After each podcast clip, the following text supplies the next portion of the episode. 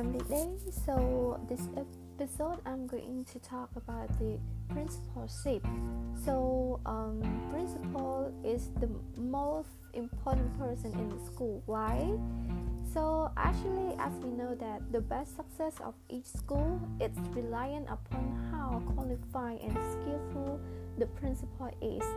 And why are principal in charge of school progress in terms of both quality of education and of high learning achievement of the student? It is because principals are the leader of school, like we a wheel controller. If the controller does not have a good skill of how to direct the wheel, of how to direct the ship, the ship may possibly can be um, capsized like the duties of ship controller. If school principal fail to perform their duty well and fail to lead the school without any comment of their duties, with inadequate leadership, the less development will be taking place for sure.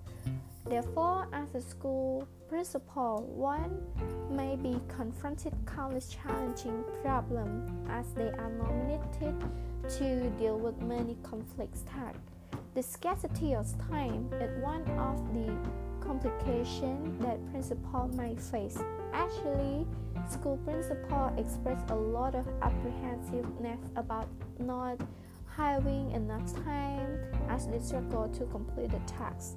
And what's more, as long as principals do not recognize the way of how to lighten their burdens by assigning the teacher to take control of what they can do on their behalf, all the responsibility, even a small task, will definitely fall to the principal to be handled. Second of all, interruption is also another challenge for the principal. In fact, principal had to stick to the to interact with the student parent as often as they can so as to guarantee that the parents are highly involved in their children learning progress.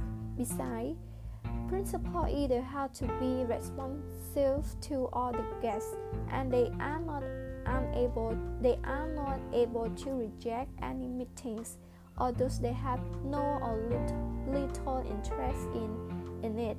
The third complex condition is that principals are in charge of ensuring the order and safety maintenance in school by having to ascertain that there is no any one or student behaving in a bad or harmful way which may cause any problem to other students' safety. Simply put, the, the school principal role is also to deal with the misbehavior of some students to maintain the school order. Last but not least, paperwork also cause complexity and dizziness to principal for sure. In fact, principal has to report any information considered relevant, urgent, and important to superintendents and boards as well as attendance figure. Principal had to pay highly attention to it to keep track of student performance. So, of all the complexity that I have read, it showed that being a principal is not an easy task, but it demands that they had to very put their effort a lot in order to like to bring about the fruitful outcome to the school and to develop the school well.